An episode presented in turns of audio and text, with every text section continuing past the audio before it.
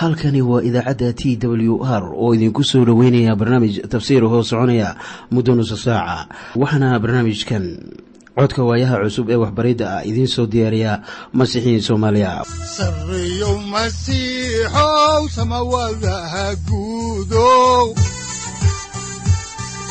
Siraadkii adduunkow subanaha eebow sareyow masiixow samawadaha guudow siraadkii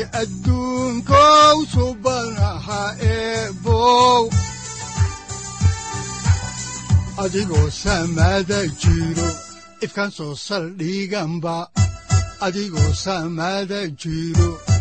soo saldhiganba kutubtiisanaye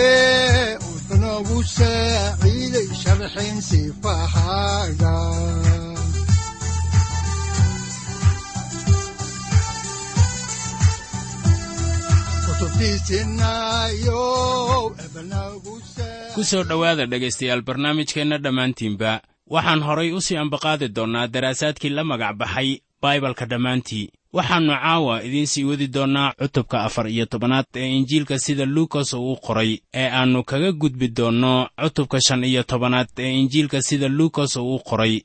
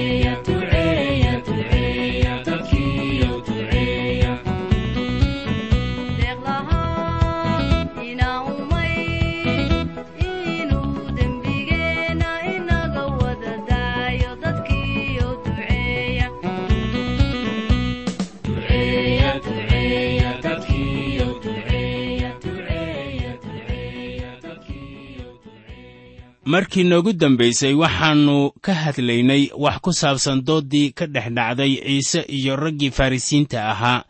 Ka gadaal markii ay soo hor fariisiiyeen nin urweynaad qaba. Isaguna hortooda ayuu ninkii ku bogsiiyey. Wuxuuna markii dambe weyddiiyey su'aal isagoo leh kiineeba leh dameer ama dibi ceel ku dhacay oo aan maalin sabdi ah dhaqso uga soo bixinaynin haddaba haddii dibigooda ama dameerkooda uu ku dhici lahaa ceel way ka soo samata bixin lahaayeen. Marka aynu dhanka kale ka eegno haddii midkood raggaas fatuurad jidka uga banjarto maalin sabdi ah way samaysan lahaayeen. Sayidkuna taas waa ogaa wuxuuna yidhi sababtaas aawadeed baan u bogsiinayaa ninkan waayo dhib baa haysta. Haddaan horay u sii ambaqaadno ayaa waxaa ku qoran aayadda lixaad sida tan wayna uga jawaabi kari waayeen waxyaabahaas. Dhacdadan waxay abuurtay jawi kulul oo ka ogmay cashadii la cuni lahaa. Haatanna aynu dhegaysanno maaddada ah masaalka ku saabsan nin marti ah oo fadhiistay meel aan loogu talagelin. Innagoo masaalkaasi eegayna ayaannu la soo baxaynaa axdiga cusub injiilka sida luukas uu u qoray cutubka afar iyo tobanaad aayadda toddobaad waxaana qoran sida tan. Goortuu arkay kuwii loo yeedhay siday kursiyada hore u doorteen ayuu masaal kula hadlay oo ku yidhi haddaba sida xaaladdu ay tahay haatan ayaa ah mid cammiran. Maalmahaas ma jirin miisaska iyo kuraasta lagu fadhiisto ee lambarka ama tirsiga leh. Haddaba haddii aan kuraasta ama miisaska casuumaadda horay loo carbuunan dadka ayaa ku soo xoomaya inay fadhiistaan meelaha ugu wanaagsan ee xafladaha. Laakiin maalmihii ciise masiix waxaa jiray afar goobood oo ku habboon fadhiga. Markii cuntokariyuhu fuudkii waa diyaar uu yidhaahdo ayaa qof waliba uu soo istaagayaa miiska oo safkiibaa dheeraanaya. Ha yeeshee maalmahaas dadku waxay ku fadhiisan jireen kursi jief oo kuraasta caadiga ah ma ahayn. Marka qofka martisharafka ah miiska cuntada ayaa aad ugu dhowaa. Markaana waxaa loo fadhiisanayaa wareeg. Saf walibana wuxuu ka kooban yahay saddex kursi jiif oo kan qadka dhexe ku jira ayaa ugu muhiimsan. Qofka fadhiya kursigaas wax waliba wuu gaarayaa isagoo aan laacin. Safka labaadna kursiga shanaad ayaa ah kursiga martisharafka safka saddexaadna kan siddeedaad ayaa ah kursiga martisharafka safka afaraadna kan kow iyo tobanaad ayaa ah kursiga martisharafka haddaba waa wax la garan karo in farrisiinta qaar ayaan u fududayn sida nimanka dhallinyarada ah ee kale. Markii ninka cuntakariyaha ahu u yidhaahdo maraqu waa diyaar ama cunnadu waa diyaar ayuu farrisigii duqa ahaa laacayaa cunnadii isagoo imaanaya kursiga labaad oo ah meesha ugu dhow ee cunnada laga qaadanayo. Laakiin ragga dhallinyarada ah ayaa kaga hor mari kara. Markaasaa laga yaabaa inuu aado kursiga shanaad si bal uu isugu dayo inuu halkaasi wax ka helo. Waxaa markaa laga yaabaa inaannu waxba helin waayo kursigaana qof baa fadhiya. Markaasaa laga yaabaa inuu aado kursiga siddeedaad laakiin isla markiiba meeshii kuma uu soo noqon karo laakiin wuxuu fadhiisanayaa kursiga kow iyo tobanaad oo isna ah kan martisharafka oo halkaas buu qofkaasu cunnada ku cunayaa waa kursiga ugu hooseeya laakiin weliba waa midka martisharafka markaasuu halkaasi fadhiisanayaa haddaba ma qiyaasi karaysaa sida ay noqonayso marka dadku ay u kala cararayaan kursiga martisharafka marka ay sidaas tahay ayaa sayidkeennu wuxuu saxayaa qaababkooda. Haddaan horay u sii ambaqaadno injiilka sida luukas uu u qoray cutubka afar iyo tobanaad aayadaha siddeed ilaa toban waxaa qoran sida tan. Markii nin uu kugu yeedho aroos kursiga hore ha fadhiisan waayo waaba intaasoo isagu nin kaa murwad weyn uu ugu yeedho oo kii isaga iyo adigaba idin yeedhay u yimaado uu kugu yidhaahdo kan meel sii oo markaasaad bilaabaysaa inaad meesha dambe ceeb ku fadhiisato. Laakiin goortii lagu yeedho tag oo meesha hoosaysa fadhiiso. Si kii kuu yeedhay kolkuu yimaado uu kugu yidhaahdo saaxiibow sare u soco. Markaasaad ammaan ku lahaan doontaa kuwa cuntada kula fadhiya oo dhan hortooda sayidku wuxuu yidhi markii casho sharaf laydinku casumo ha ku ordina inaad fadhiisataan kursiga ninka martisharafka ah. Waxaaba laga yaabaa ninkii idin casumay inuu qof kale u dhigay kursigaas. Waxaa laga yaabaa inuu kuu yimaado uu kugu yidhaahdo kursiga ninkan u bannee oo adigu kuraastaas kale mid fadhiiso markaana haddii qofku uu fadhiisanayo kuraastaas kale ma ahan inay ka fog yihiin laakiin ceeb bay noqonaysaa in laga kiciyo meel wacan oo lagu fadhiisiiyo meel kale oo aan lagu qaadanaynin martisharafka meesha yimid.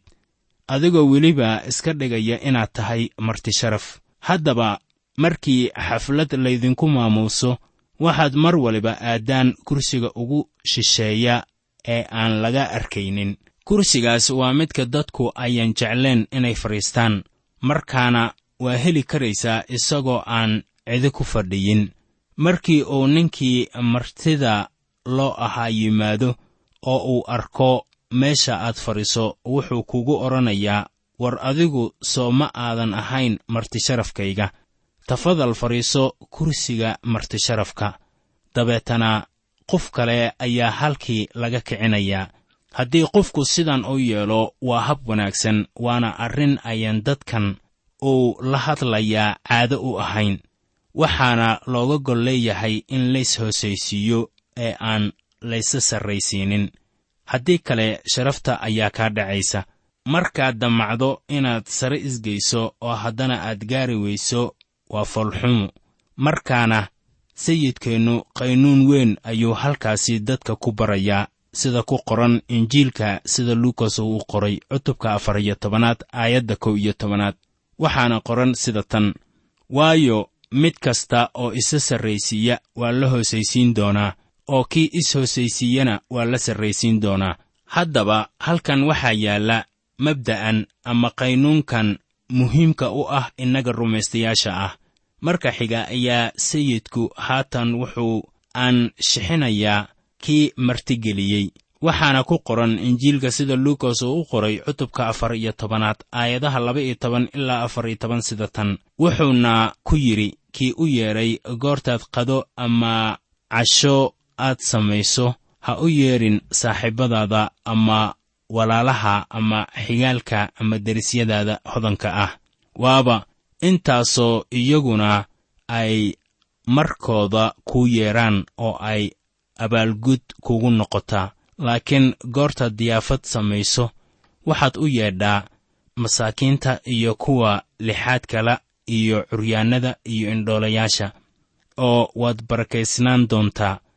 Waayo iyagu ma leh wax ay kugu abaalgudaan laakiin waxaa lagugu abaalgudi doonaa wakhtiga sara kicidda kuwa xaqa ah.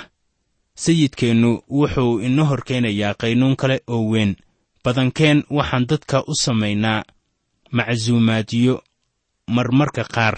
Markaasaa innagana waxaa ina casuuma kuwii aynu guryaheenna ku macsuunnay.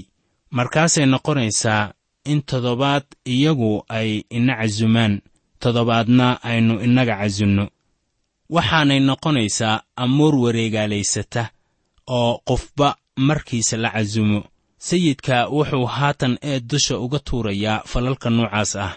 Markaana ma jiro wax xumaan ah oo ku jira inaad casunto saaxiibbada mararka qaar laakiin weligaa ma ka fikartay inaad wax u samayso kuwa aan waxba haysanin ama saboolka ah. Iyagu kuma macsuumi karaan oo awoodna uma lahan inay casho sharaf ku sameeyaan toddobaadka xiga haddaba miyaad qiyaasi kartaa sida jawigu ahaa markii cashadan la cunayey. Waxay ku bilaabatay sayidkeenna oo bogsiinaya nin uurweynaad qabay. Iyadoo weliba ayaan farrisiinta ama culimmadu raalli ka ahayn xaalkaas bogsiinta ee dhacaya maalinta sabtida ah. Dabeetana wuxuu eegay martidii markaasuu wuxuu saxay qaabkii ay u dhaqmayeen. Dabeetana wuxuu baray ninkii isaga soo casumay waxa ku saabsan casumaadda dhabta ah ee ilaah uu aqbalo. Haddaba aniga imaqal jawigaasu wuxuu ahaa mid kacsan mana jirin nin isaga hadal ku celiyey.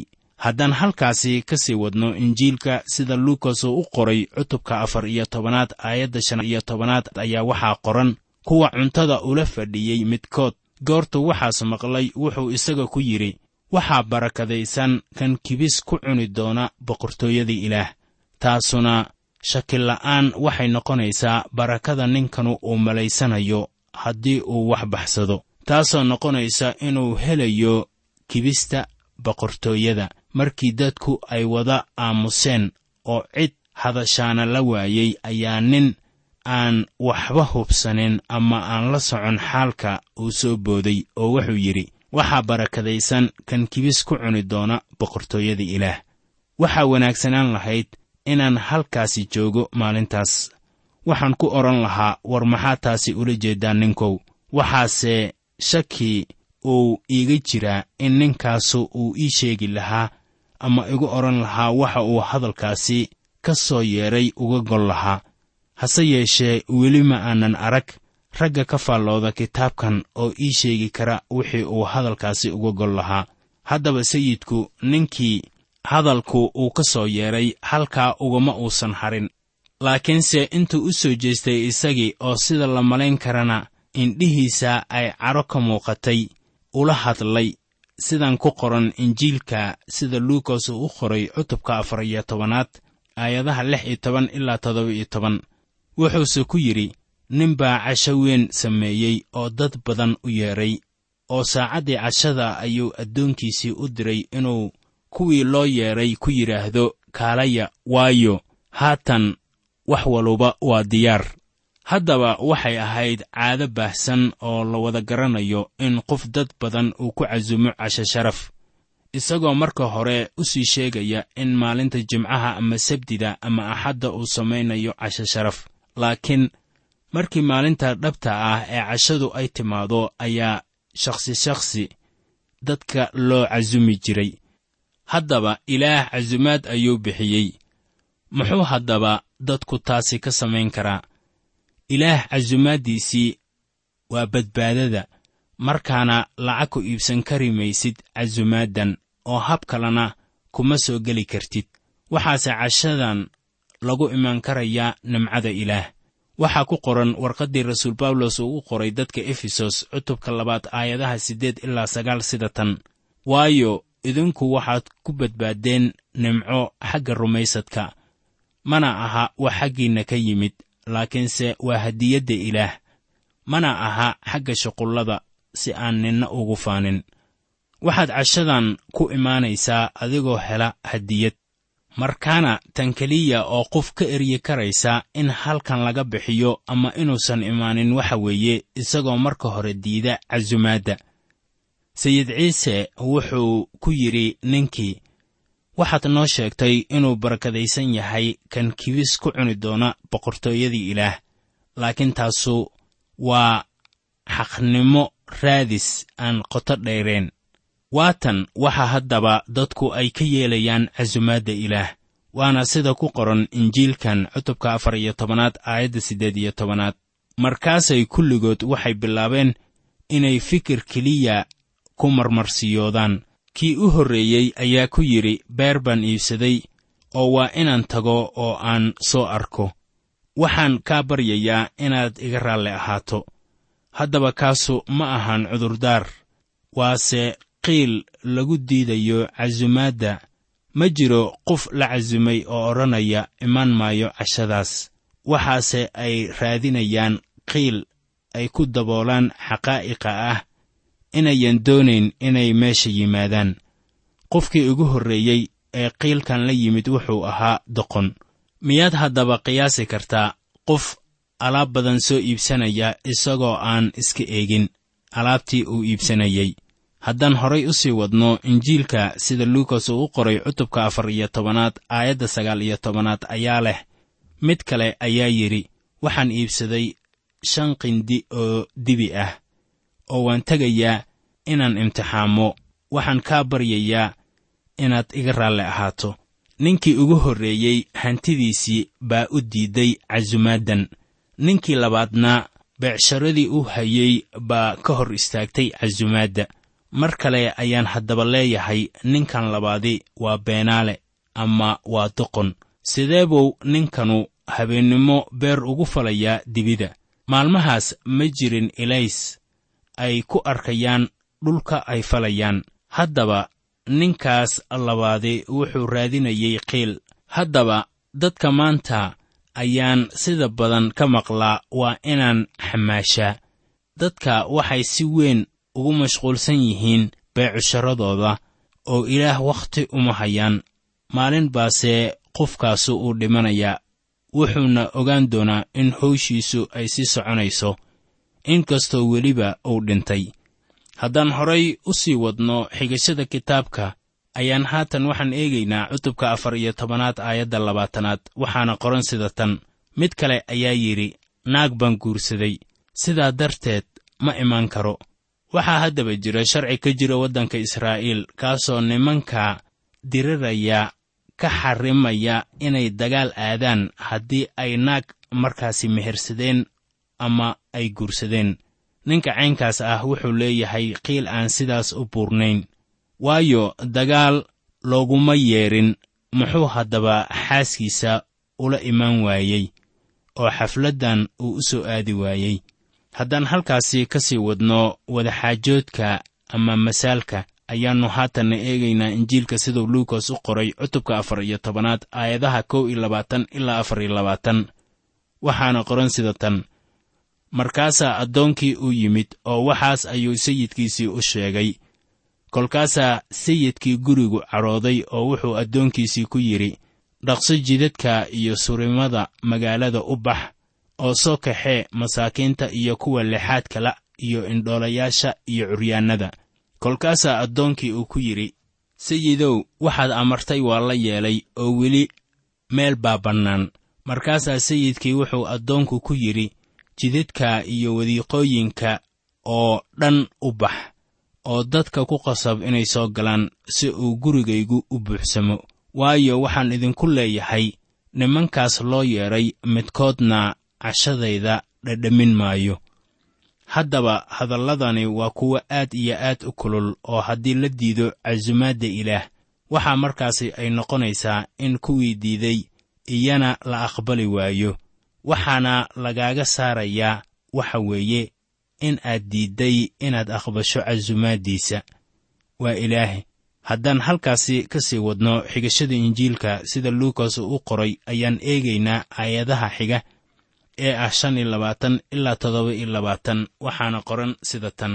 Waxaa isaga la socday dad badan markaasuu u jeestay oo wuxuu ku yidhi haddii qof uu ii yimaado oo aan nicin aabbihiis iyo hooyadiis iyo afadiisa iyo carruurtiisa iyo walaalihiis xataa naftiisana xer iima ahaan karo. Ku alla kii aan isku tallaabtiisa soo qaadan oo aan iga daba imaan xer iima ahaan karo. Aayadahan waxay leeyihiin waa inaan ilaah wax waliba u hormarinnaa in ciise masiix loo go'o ayaa la doonayaa inaan waxba lala simin. Haddaba waxyaabo waxaa jira markii kalgacal iyo muxubbo lagu daro laysla simi karayo laakiin waa in ciise masiix uu ka sarreeyaa wax kasta ee aad jeceshahay oo kale. Haatanna aynu eegno maaddadan kale ee ah masaalkii ku saabsanaa dhismaha qalcadda. Haddaan horay u sii ambaqaadno injiilka sida luukas uu u qoray oo aan eegno cutubka afar iyo tobanaad aayadaha siddeed iyo labaatan ilaa soddon waxaa qoran sida tan waayo midkeennee baa doonay inuu noobiyad ama qalcad dhiso oo aan kolkii hore fadhiisan inuu xisaabo intay ku kacayso. Inuu ogaado inuu haysto wax uu ku dhammeeyo iyo in kale. Waaba intaasoo markuu aasaaska dhigo oo uu dhammayn kari waayo. Kuwa eegaya oo dhammu ay bilaabaan inay ku qoslaan iyagoo leh ninkanu wuxuu bilaabay inuu wax dhiso waana dhammayn kari waayey. Haddaba wakhti bay qaadanaysaa in go'aan laga gaaro masiixa. Qiimi ayay qaadanaysaa in xertiisa la ahaado bal taasi ka fakar saaxib. Waa inaad xisaabto qiimaha intaadan go'aan gaarin.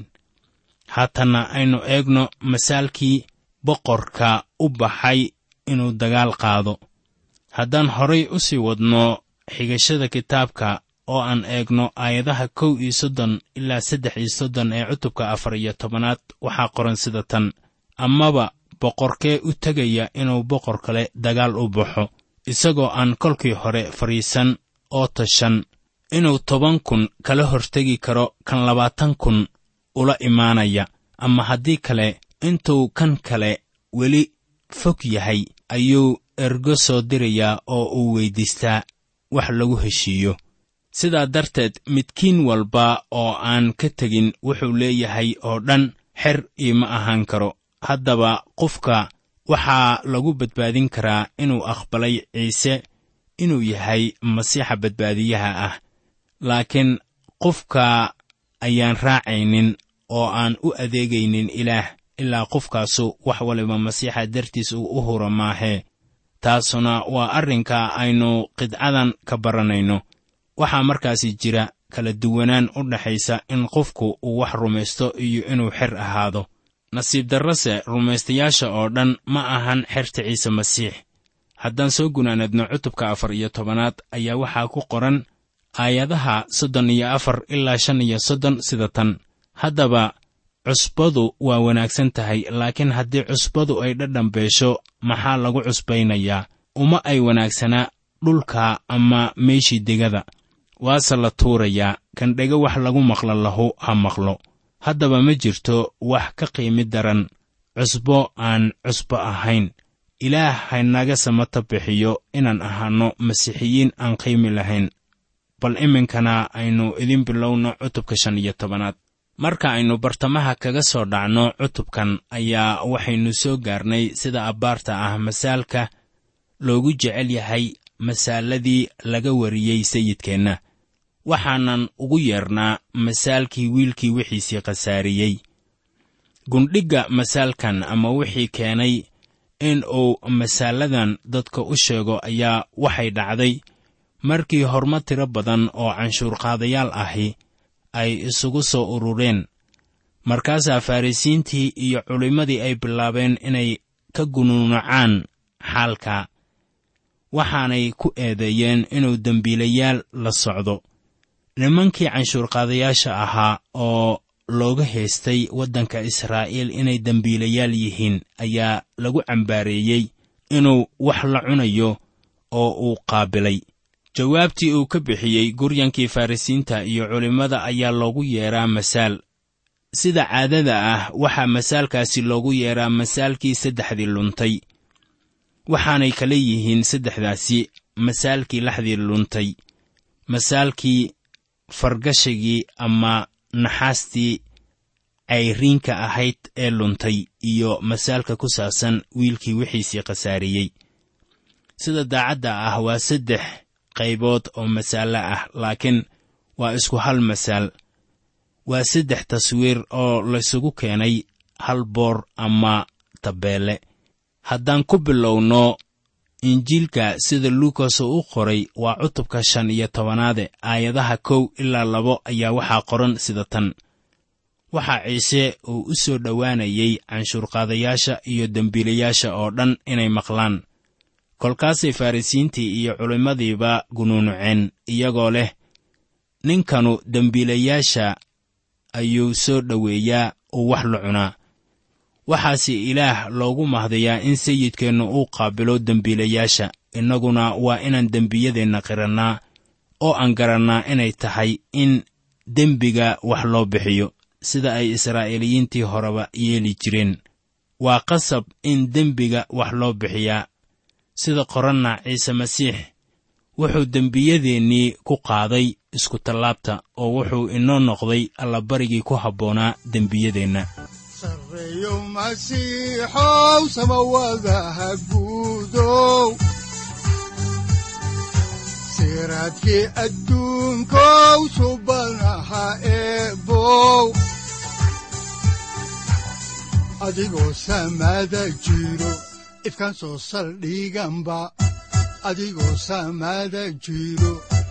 soo saldhiganba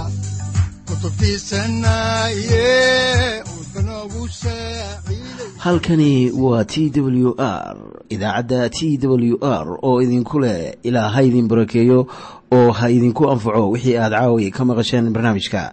Waxaa barnaamijkan oo kalaa aad ka maqli doontaan habeen dambe hadahan oo kale haddiise aad doonaysaan in aad fikirkiina ka dhiibataan wixii aad caawi maqasheen ayaad nagala soo xiriiri kartaan som t w r at t w r c o k e haddii aad doonaysaan in aad dejiisataan oo kaydsataan barnaamijka ama aad mar kale dhegaysataan fadlan mar kale booqo www t w r o r g amase waxaad teleefoonkaaga ku kaydsataa ama ku download garaysataa agabyada ku sahli karaa dhegeysiga t w r haddii aad doonayso in laga kaalmeeyo dhinacyada fahamka kitaabka amase aad u baahan tahay duco fadlan fariimahaaga soo mari bogga aaraahda ama kommentska inana jawaab degdeg ah ayaanu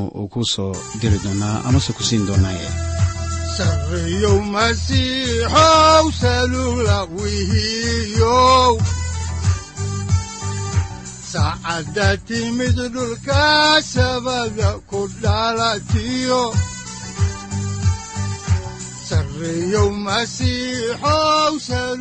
halkani waa t w r oo idiin rajaynaya habeen baraare iyo barwaaqaba leh inta aynu ka gaari doono wakhti aynu ku kulanno barnaamij la mida kan caawayay aad maqasheen. Waxa aan idinku leeyahay nabadda ciise masiix ha idinku badato xagga jidhka iyo ruuxaba. Aamiin